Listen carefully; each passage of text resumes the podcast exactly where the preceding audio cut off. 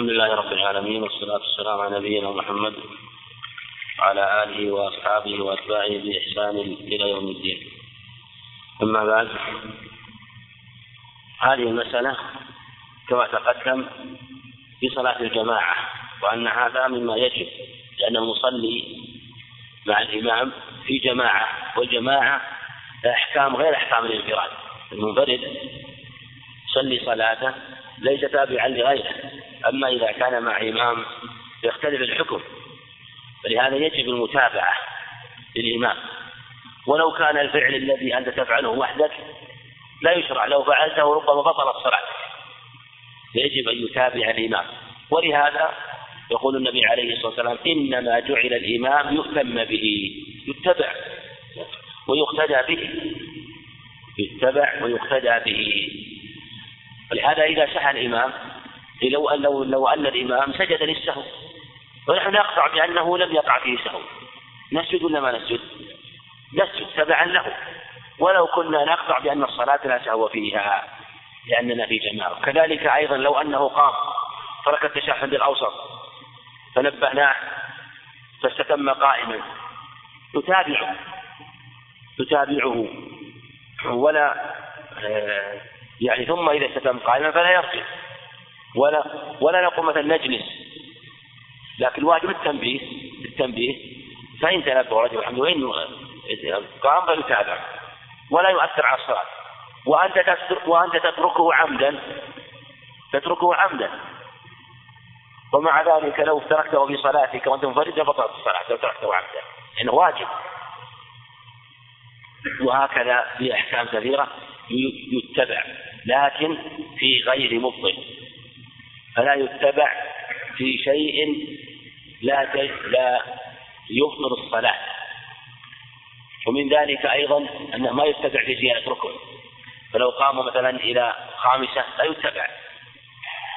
لو جلس في ثالثة ما يتبع وهي صلاة رباعية. فيجب تنبيه فإن تنبه فالحمد لله وإلا فأنت تكمل صلاتك. تكمل صلاتك فلو أن الإنسان يصلي خلف الإمام في الظهر مثلا ثم جلس الإمام نبه جلسة الثالثة تقوم تقوم لكن هل إذا قمت تنوي الانفراد ولا ما تنوي الانفراد؟ وجلس الآن للثالثة وأنت نبهته ماذا تفعل؟ نعم إذا سلم نعم كيف يعني؟ أيه.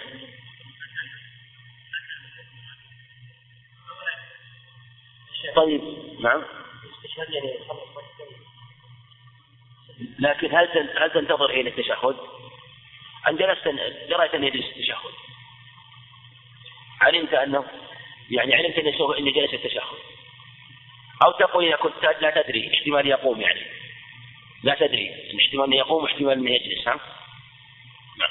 إذا نقول إذا كنت آه، تقول احتمال الإمام مثلا يقوم واحتمال ينبه واحتمال يتذكر ما في أنك تبقى في صلاتك وتسوي تروي نفرات لكن ما دمت علمت أنه جلس ينوي السلام لأنه ظن أنها الرابعة تنوي غد تكمل صلاته كذلك لو قام إلى خامسة تجلس. ما تتابعه ما تتابعه في هذه الحالة الأحسن أنك تنتظره إنه سوف يعود وتسلم معه مثل ما وقع في صلاة الخوف عن النبي عليه الصلاة والسلام لما أنه في بعض الصفات قام وصلى والطائفة الثانية صارت تصلي وحدها.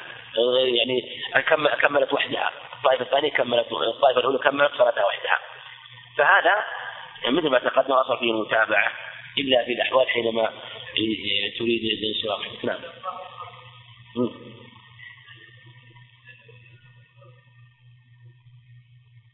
إيش يعني؟ إيش رأيك؟ إيش تقول؟ اذا قام إلى خامسه مثلا طيب. هو يعتقد أنها في الرابعة. أنت ما تتابعه لا تتابعه تجلس. وتجلس. تنبهه ثم تجلس. فإن رجع الحمد لله إن لم يرجع فانتظر. هذا الأحسن إلا إذا احتاج إنسان مستعجل أو وراد فلا بأس. مثل ما تنصرف الطائفة الأولى في الصفات تكمل صلاة صلاتها وتنصرف إلى مصافها. نعم.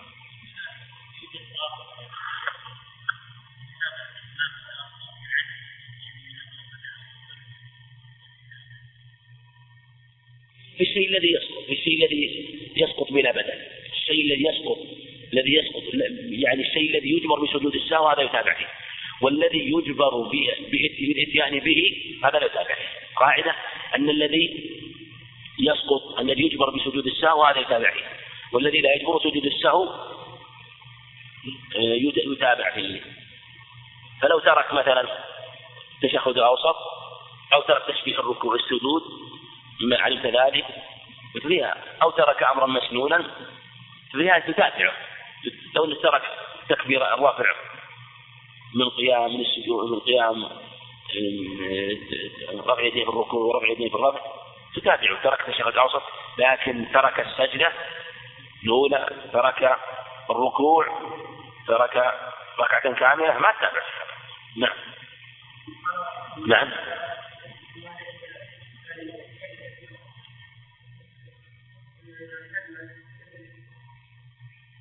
لا لا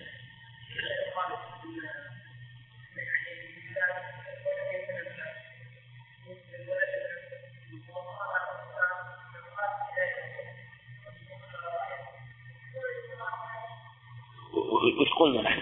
وش اللي تقدم؟ وش اللي قلنا نحن في المسألة دي؟ متى يريد بغادر؟ ها؟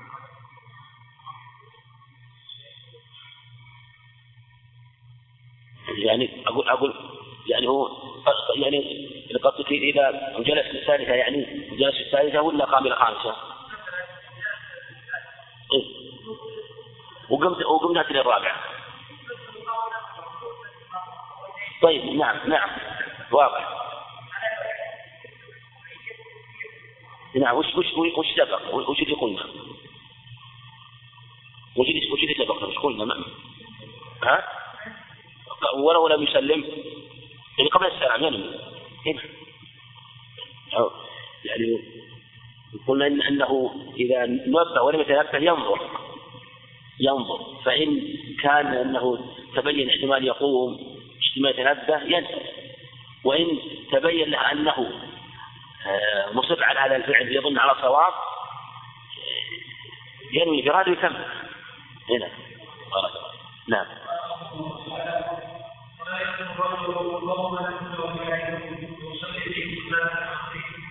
نعم هذه مسألتان الكراهة في الصلاة حينما يؤم قوما فهذا له صورتان صورة أن يكون إماما راتبا وصورة أن يكون إماما عارفا. الإمام العارف سيأتينا أنه لا يتقدم إلا من تتوفر فيه الصفات. جاءت الحديث والإمام الراتب هذا له الأحقية. في الإمامة الإمام الراتب في المسجد يعني المرتب. أما الإمام العارف في هذه الحالة السنة إذا وجد أكثر من واحد فيتقدم من هو بالصفات المتأهلة. لكن تقدم معنا أنه لو تقدم المفضول أمام الفاضل صح صح تقدم دليل في حديث ابن مسعود. الكراهة نوعان كراهة دينية وكراهة دنيوية. كراهة لأجل الدين. لأجل الدنيا لا تعتبر. كراهة للأهواء وكراهة الخلاف والنزاع والمخالفة. هذه لا تعتبر. مثل قال أحد جماعة من العلم؟ العلم.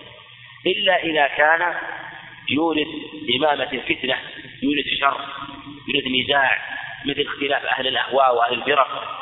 يكون هو مثلا آه، يعني يكون مخالفون له؟ على هوى وعلى يعني مذهب وعندهم قوم متعصبون وهو مثلا مخالف ولو كان الحق. لو كان مثلا يعني على الحق. وصار لو صلى بهؤلاء ووضع الأهواء. ترتب أنه لا يحصل المقصود باختلافهم ونزاع عليه مع أنه يريد الخير في امامته لكن إذا ما حصل المقصود كونه يتقدم إنسان آخر لكن يراعى أن يحصل بعضهم. أولى من كونه يؤمهم مع النزاع والخلاف. لأن المقصود من الجماعة والاجتماع. الجماعة والاجتماع والائتلاف. فإذا كانت إمامته لا تحقق المقصود في هذه الحالة إذا تقدم غيره ولو كان أقل من في خصال الخير هو الأولى. ويروى في الحديث رواه عبد الله بن عمرو رواه أبو داود عبد الله بن عمرو ورواه الترمذي عن أنس أنه عليه الصلاة والسلام قال آه، ثلاثة لا ترتفع صلاة فوق شبرا قال رجل أما قوما وهم له كارهون. أما قوما وهم له كارهون. لكن كما قال يحيى رحمه الكراهة هنا ليست الكراهة الكراهة الدينية الشرعية التي يكون المقصود فيها الخير. أما إذا كان في النزاع والخلاف فهذه على قسمين.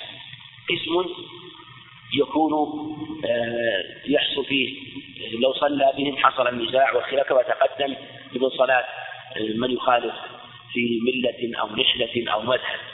فهذا ولو كان على آه، استقامة وسلامة فيراعي مثل هذا.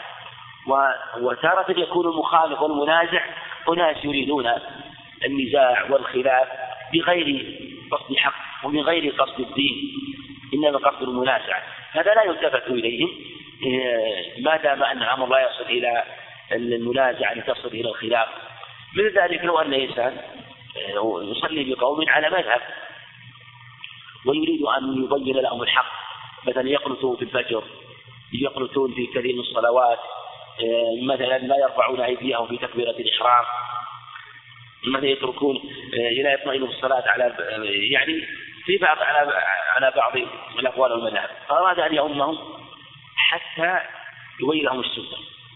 فإن حصل المقصود الحمد لله. إن كان الصلاة بهم تورث نزاع وخلاف يحصل المقصود آه ولو ولو ترك بعض السنن يجب تحصيل المقصود. لأن يقول بعض العلم لا بأس أن يصلي بقوم ويقنط بهم في الفجر دائما.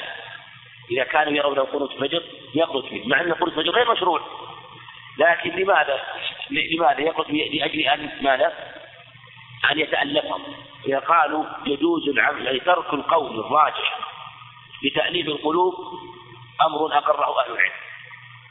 وعليه دلائل من السنة.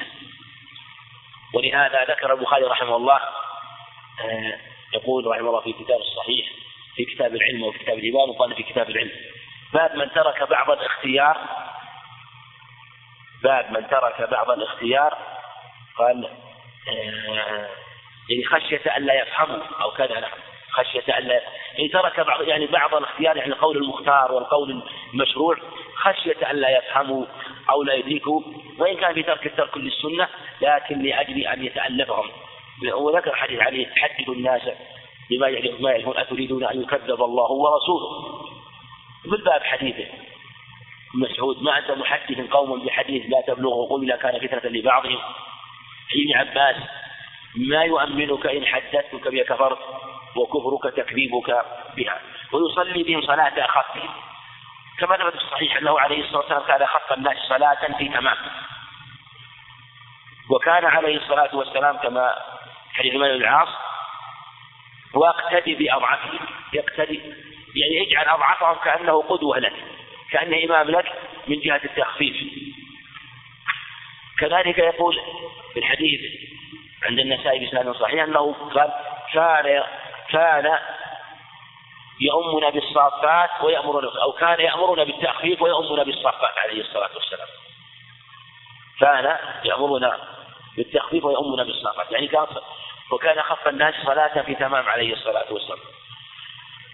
وقال عليه الصلاة والسلام إني لا أدخل بالصلاة. فأريد أن أطولها فأشبع بكاء الصبي فأخفف مخافة من أو خشية من وجد أمه به يعني من تأثرها ومن آه، قلقها عليه. وقال عليه الصلاة والسلام عن أبي قتاد عن أبي الصحيحين إذا صلى أحدكم الناس فليخفف فإن من ورائك أو من خلف الضعيف والمريض وذا الحاجة. فالمقصود أنه يخف لكنه تخفيف مع مراعاة السنة. ليس التخفيف الذي يطلبه الكساء والبطالون لا التخفيف الذي يكون بأداء السنة. وإن كانوا الذي الذين يصلي قوما محصورين وآثروا التطويل فلا بأس. فلو كان الذين خلفه قوما محصورين لا بأس. لكن لا يقول أنا أصلي مثلا في جماعة في بلد يقول إنهم قوم محصورون فيطولوا لا. لأن ربما يأتي إليه الوارد والوافد والضيف والزائر. يأتي. فهنا يصلي من الصلاة التي لا يكون فيها مشقة على الجميع. نعم.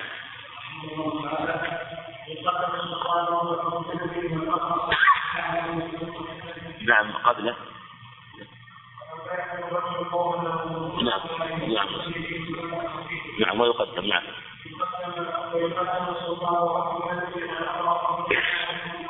نعم. هذا لما روى مسلم بن مسعود رضي الله عنه أنه عليه الصلاة والسلام قال لا يؤمن الرجل الرجل في سلطانه. في اللفظ الآخر عن أبو داود وسهل جيد ولا في بيته. ولا يجلس على تكريمته يعني محل الضيافه من الكرسي وما يتكى عليه إلا بإذنه. فالسلطان إذا كان موجود هو الأحق لأن ولايته هي المقدمة. وهي الولاية العظمى. وبعضهم الحق ألحق بها الولاية الصغرى. لكن ظاهر الحديث الولاية الكبرى العظمى. الأمة في سلطانه. ورب المنزل أيضا. في حديث بأن وجه الدلالة منه في سلطانه لأن البيت تحت ولايته فهو صاحب السلطان فيه. هذا من جهة العموم. من جهة الخصوص عند أبي داود ولا في بيته. صريح. هذا من جهة النص. والأقرع يعني هذا يبين أن السلطان مقدم على الأقرع وصاحب بيت مقدم على أقرع لماذا؟ لأن جاء في نصوص خاصة. لكن إما أن يقال يقال إنه مع تقديم يراعى في العلم بما يجب الصلاة. أما إذا كان لا يحسن الصلاة فهذا لا يقدم بل يعلم كيف يصلي. نعم.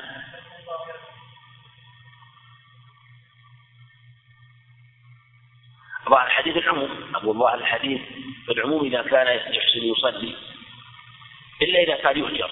إذا كان يهجر لكن زائر في بيته ما في هجرة. زائر في بيته ما في هجرة. هو ظاهر الحديث. انه يقدم. إلا لأن نفسيات عليه. يعني كيف؟ لو اراد لو أراد أن يتقدم بلا إذن حصل فتنة أو شر القاعدة ان أنه حينما تحصل فتنة والشر يقدم الإمام ولو كان مبتدعا ليس فاسدا لهذا لو كان الإمام الراتب مبتدع ترتب على عدم الصلاة معه. هجر الصلاة تصلي معه ما دام من صلاته في نفس الصحيحه كذلك أيضا صاحب البيت لأنك لو لم لو تقدمت عليه حصل فتنة وشر بين أمرين إما ان إما أن يؤثر غيره هذا واضح. أو أن يستأذن ويقدم غيره كذلك. وبين أن يستناد عليه هذا لا شك يحصل فتنة وربما يحصل آه، يعني نزاع وخصام.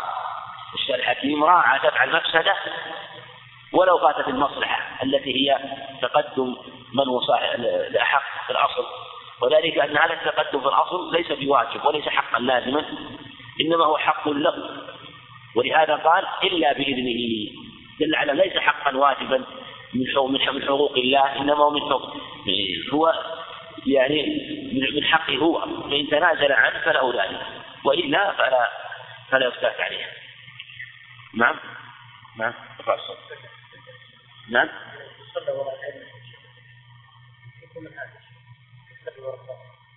نعم. مثل ما تقدم يعني مبتدع. قل ما تقدم. لو صلى أقول الإمام الراتب صلى ولو كان مبتدع. يعني هذا محل اتفاق. يعني قال فلا تقول حديث أبي ذر وصلي معهم واجعل صلاتكم معهم صلي صلاتي وصلي ثم صلي معهم واجعل صلاتكم معهم سبحه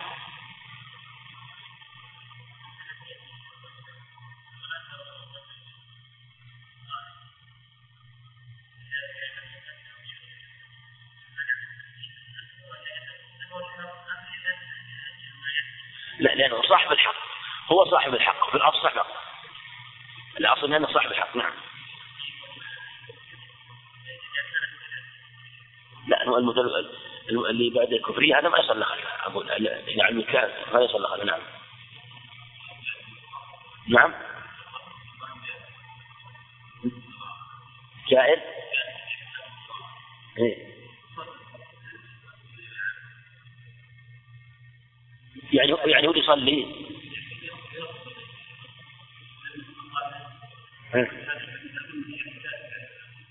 الحمد. أقول أقول يصلون لكم فإن أصابوا فلكم ولهم وإن أخطأوا فلكم وعليهم الحمد لله. أقول يصلي. وصلاة الصحيحة ولا باطلة؟ صلاة الصحيحة ولا باطلة؟ ها؟ صلاة الصلاة يعني. هي خلاص ما صحت صلاة نفسه يعني لا أقول ما دام صحت صلاة نفسه كونها قهر بسلطانه يصلى خلفه. نعم ف والأقرأ. والأقرأ مثل ما هو الصواب أنه قدم الأقرأ. آه، ولأمكم أكثركم قرآنا كما البخاري وكذلك آه، أو كذلك حديث عمر لما قدموا سالم مولى أبي حذيفة مولى أبي أمير حذيفة وحديث سلمة عمرو بن سلمة الجرمي قال فرأوني أكثرهم قرآنا. كلها حديث جاءت بتقديم الأكثر قراءة. وهذا هو الصواب أنه يقدم الأقرأ والأ و يعني اللي هو يعني يشمل الأقرأ قسمين اللي هو يحسن القراءة والذي هو أكثر قراءة وأكثر حفظا. هذا هو ظاهر الأخبار أنه مقدم لكن مع شرط معرفة بالصلاة. هذا لا بد منه قيد لا بد منه أن يحسن يصلي. ثم ثم العالم يعني العالم بالسنة. ثم مثل ما تقدم يوم القوم أقرأهم لكتاب الله فإن كانوا في القرآن سواء فعلهم بالسنة وفي هذا دلالة ونص صريح على أن الأقرأ مقدم على الأعلم بالسنة.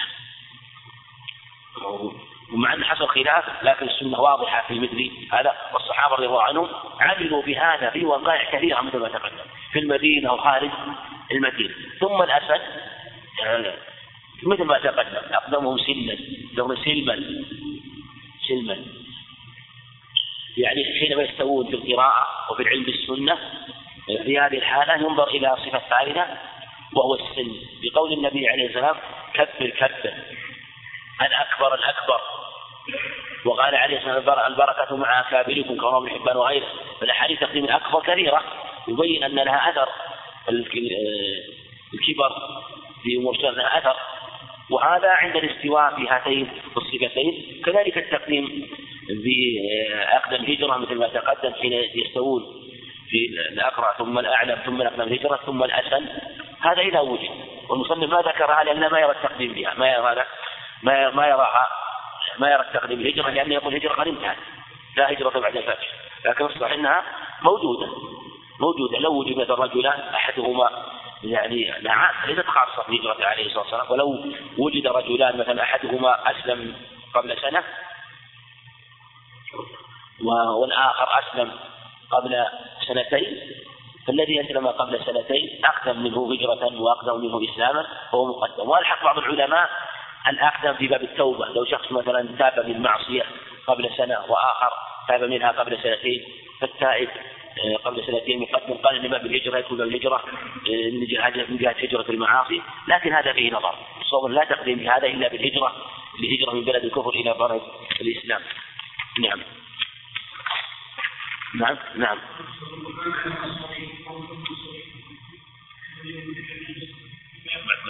محصورين ما ما ما في بعض نعم. إيه. إيه. نعم إيه. هذا القصد إذا كان إذا كان إذا كان يعني التطويل لا يشرع يعني نقول يأتي بالسنة يجتهد ويخفف تقريبا لا يخالف السنة لكن لو كان خلفه خلف قوم محصورون يعني معروفون ما يزدادون يعني لو كان إنسان جماعة في برية طالع في بر ما يزيد هم معروفين ما معهم غيرهم فآثروا أن يصلوا صلاة طويلة لا بأس لأن ما في. أو كان هالقرية هذا هم. ليس فيه ليس فيهم غيرهم أحد. أهل القرية. هم يعرفون أن أنهم بهذا لا يزيدون ولا يأتيهم فغيرهم فلا بأس أن يزيد أن يطول التطويل الذي يتفق أن الذي يتفقون عليه. أما إذا كان مسجد مثلا بلد كبير أو في قرية على الطريق أو ما أشبه ذلك لا يأمن أن يأتي منهم غيرهم يعني هذا لا يطول التطويل ليشوف هذا المراد. نعم.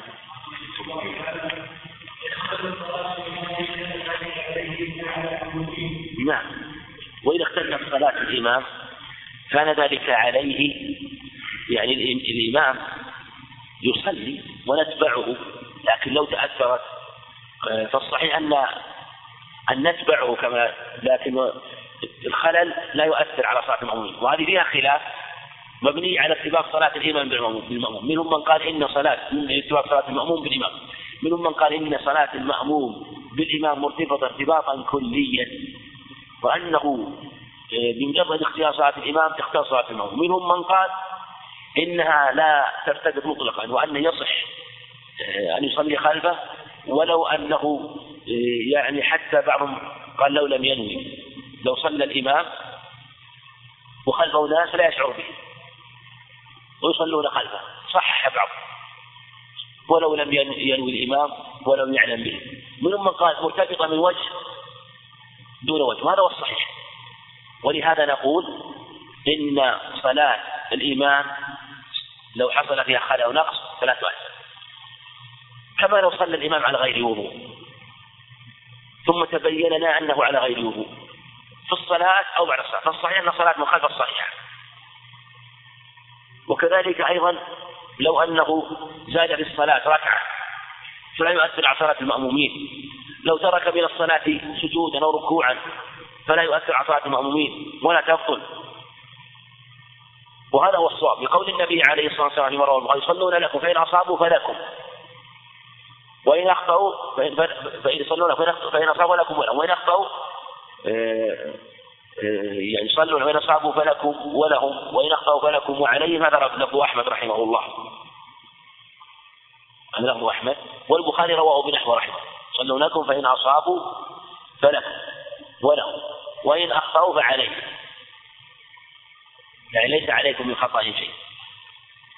وروى أبو داود حديث عقبة بن عامر أيضا بإسناد لا بأس بأنه عليه الصلاة والسلام قال من أما الناس فأتم الصلاة وأصاب الوقت فله وله وإن وإن أما الناس فلم يتم الصلاة وأخطأ الوقت فعليه ولا عليه.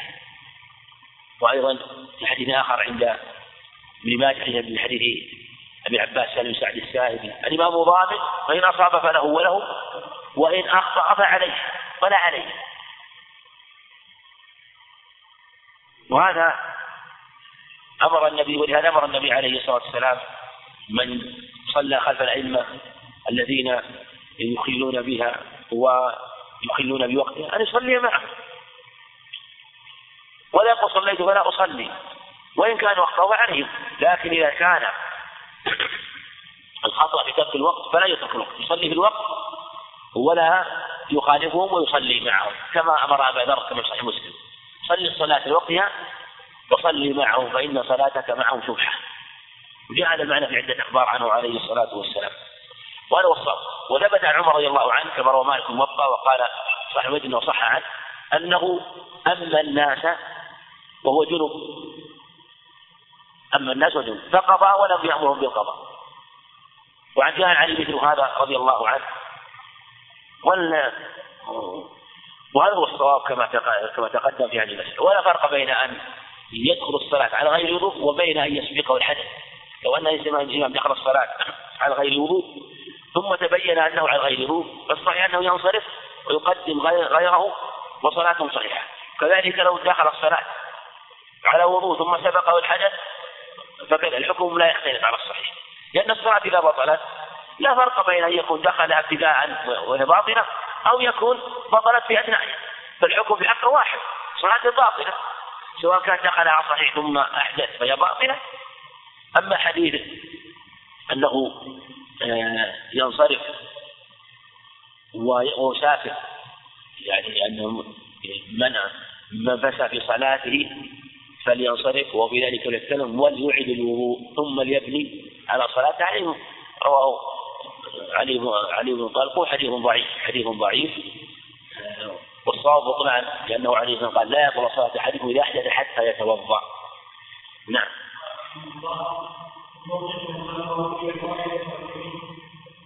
نعم. وموقفهم خلفه. هذا محل اتفاق العلم. وإنما جعل الإمام يهتم به. ولا يهتم به ولا يقتدى به إلا إذا كان أمامه وهم خلفه. ولا كيف يهتمون به؟ ثبت في الصحيحين من حديث خباب رضي الله عنه إنه قال كيف تعرفون كيف تعرفون قراءة رسول الله صلى الله عليه وسلم؟ قال باضطراب لحيته هذا لا شك لا يكون إلا إذا كانوا ينظرون إليه من أمام هذا محل إجماع. ثبت في صحيح مسلم حديث جابر أنه جاء وصلى عن يمين النبي عليه الصلاة والسلام وجاء جبار بن صخر صف عن يساره فدفعهم النبي خلفه عليه الصلاة والسلام. ثبت في الصحيحين من حديث أنس قال صليت أنا أنا واليتيم خلف رسول الله صلى الله عليه وسلم وأم سليم وفي لفظ والعجوز أم سليم خلفنا. ولا شك أن موقفهم خلفه كما تقدم. إلا الواحد فعن يمينه. إلا الواحد فعن يمينه كما ثبت في الصحيحين يعني ابن عباس صحيح أنه عليه الصلاة والسلام أداره عن يمينه. لما جاء كذلك جابر جعله عن يمينه. روى مسلم حديث مسعود علقمة والأسود أنهما جاء إلى ابن مسعود فصلى بهم فجعل واحد عن يمينه واحد عن شماله. وصلى بهم وصلى بهم هذا من فعله اجتهاد رضي الله عنه أنه جعلهم واحد عن يمين شمال وهذا هو الصواب. ومنهم من رفع عند أبي داود أن هذا من فعل النبي عليه الصلاة والسلام. وهذا لا يصح. بل هارون بن عنترة والصواب أنه موقوف عليه. وإن صح محمول على ضيق المكان. المعون على ضيق المكان لو فعل لو ثبت لكن الثابت أن من فعل مسعود كما في صحيح مسلم. نعم.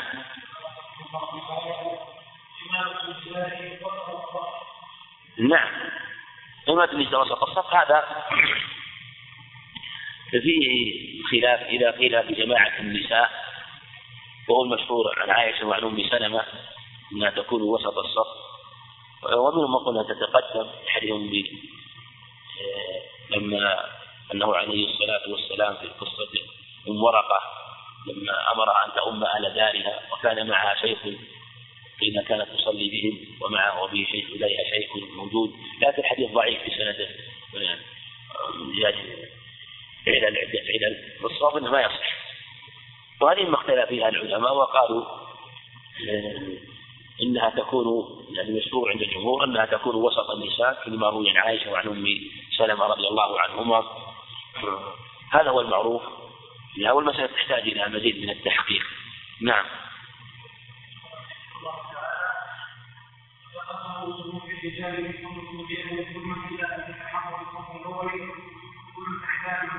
نعم. وتقدم صفوف الرجال. يعني إذا إذا وجد الجماعة فإن الصفوف الأولى للرجال. لقوله عليه الصلاة والسلام حديث ابن مسعود وحديث وحديث ابن مسعود كلاهما رواه. أبو مسعود عقبة بن عمرو وابن مسعود عبد الله بن مسعود رضي الله عنهما أنه عليه الصلاة والسلام قال ليلني منكم أولو الأحلام والنهى ثم الذين يلونهم ثم الذين يلونهم هذا واضح لأنه الأحلام والنهى العقول أنهم هم الذين يلونه عليه الصلاة والسلام يأخذوا عنه ثم الذين يلونهم ممن دونهم. وصح عن أبي بن كعب رضي الله عنه أنه دفع قيس بن عباد من أخرجه من الصف وجعله خلفه. وجاء عن عمر كما روى ابن أبي شيبة أنه أخرج صبيا من الصف. وهذه مسألة فيها خلاف. والأمر والله أعلم أن صوم الرجال تقدم على على الصبيان إذا استووا في التقدم. فإذا جاء صبي ورجل فلا نقول يقرع بينهما. فيقدم الرجل على الصبي لأنه آه، لأن جانبه أرجح بكونه من أولي الأحلام والنهى على الصبي. أما إذا تقدم الصبي وكان مميزا يحسن الصلاة والوضوء فالأظهر أنه أحق. هذا هو هذا هو الأظهر والله أعلم. ولم يأتي دليل على أن الصبيان يؤخرون ويمنعون إلا الصبي الذي لا يعقل الذي لا يميز هذا لا شك أنه يكون خللا في الصف خلل في الصف. إلا إذا كان من أحضره أراد أن يعلمه الصلاة يعلمه آه، آداب حضور الصلاة بشرط عدم الإيذاء واحتمل يقال؟ لا بأس من باب التعليم والأدب أن يحضره لكن من حيث الجملة كما تقدم أن أنه يقدم آه، بالأولوية بالحضور والتقدم. وهذا هو الأصل وأن من سبق إلى ما يسبق إليه مسلم فهو حقه وإن كان الصبيان يتقدمون بالصفوف في عهد النبي عليه السلام. ما يدل عليه؟ ما ثبت في الحديث الصحيحة أنه ربما كان الصبيان في مجلسه مقدمون. وثبت الصحيحين أن أن النبي عليه الصلاة والسلام كان عن يمينه صبي وعن شماله وعن شماله الأشياء فقدم الصبي ولم ينقل مع أنك مجلس الصحابة ولم يؤخروا عن المجلس فإذا كانوا يتقدمون مجالس العلم فمجالس الصلاة كذلك مجالس الصلاة كذلك. هي هي منها. فدل على أن من تقدم جالس الخير يقدم ومنها مجال الصلاة وهذا وقع في عدة أخبار ومنها أيضا أنه تقدم إلى مجلس ذاك الأعرابي وكان عن يمين عن يمين أعرابي وعن يساره أبو بكر رضي الله عنه في وقائع متعددة أما ما جاء عن أبي بن كعب بتأخير قيس بن عباد هذا اجتهاد منه ورأي منه رضي الله عنه. ويحتمل أن رأى أن هذا خصوصية في تقدم أولي الإحلام من الصحابة رضي الله عنهم حتى يأخذوا عنه بل ينزل عليه الوحي عليه الصلاة والسلام. فربما يقال إن هذا خصوص فيما يتعلق بالصحابة رضي الله عنهم وأخذ أبي بن كعب بهذا على عموم. آه، فلهذا آه، حين حينما يتقدم جميعا فالصبي آه، هو الأولى إذا كان يعرف الصلاة ويحسنها. ثم النساء هذا محل اتفاق من العلم أن النساء كن في عهد النبي عليه الصلاة والسلام كن في مسجده في مؤخر الصف في هذه حديث ابي مالك الاشعري عند أبي أنه صفهم صف الرجال اولا ثم الصبيان ثم النساء وصلى بهم وقال هكذا أريد أن أصلي بكم صلاة رسول الله صلى الله عليه وسلم. حديث رواه الإمام أحمد وغيره وفي سنده بعض الميل لكن هذا ليس بدلالة على التقديم تقديم الرجال على الصبيان إنما هذا في حال الاستواء أنهم كلهم كانوا جميعا موجودين فلهذا رتبهم هذا الترتيب والله أعلم.